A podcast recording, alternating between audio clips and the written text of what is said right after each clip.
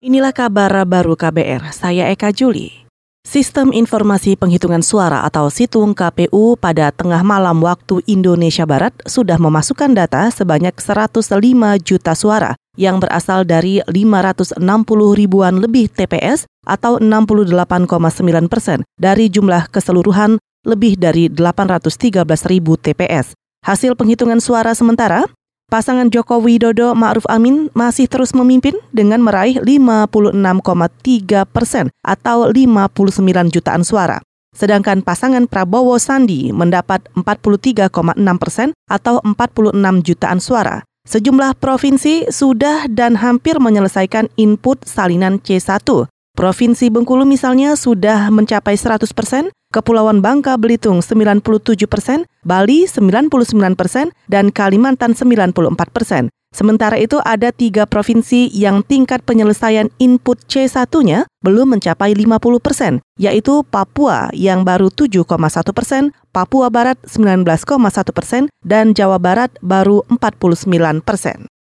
Saudara, bagaimana dengan hasil sementara rekapitulasi suara hasil pemilu di luar negeri? Selengkapnya kita simak informasi bersama jurnalis KBR Farid Hidayat. Baik saudara rekapitulasi suara hasil pemilu 2019 di sejumlah tempat pemungutan suara atau TPS di luar negeri sudah disahkan Komisi Pemilihan Umum KPU RI. Dari sejumlah TPS di luar negeri yang dimenangkan Joko Widodo dan Ma'ruf Amin, tak sedikit juga TPS di luar negeri yang dimenangkan Prabowo Subianto dan Sandiaga Uno.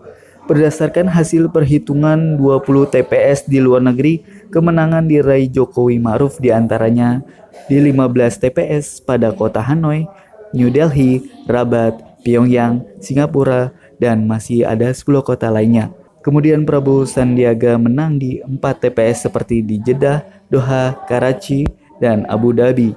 Hingga kini rekapitulasi suara hasil pemilu di luar negeri yang diselenggarakan Panitia Pemilihan Luar Negeri atau PPLN masih dilakukan di kantor KPU RI Jakarta.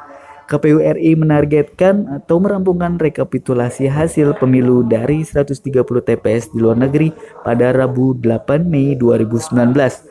Rekapitulasi suara pemilu 2019 akan berlangsung hingga 22 Mei.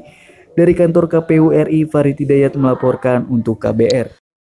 Ketua DPR Bambang Susatyo mengingatkan Presiden Joko Widodo supaya berhati-hati mewacanakan pemindahan ibu kota dari Jakarta.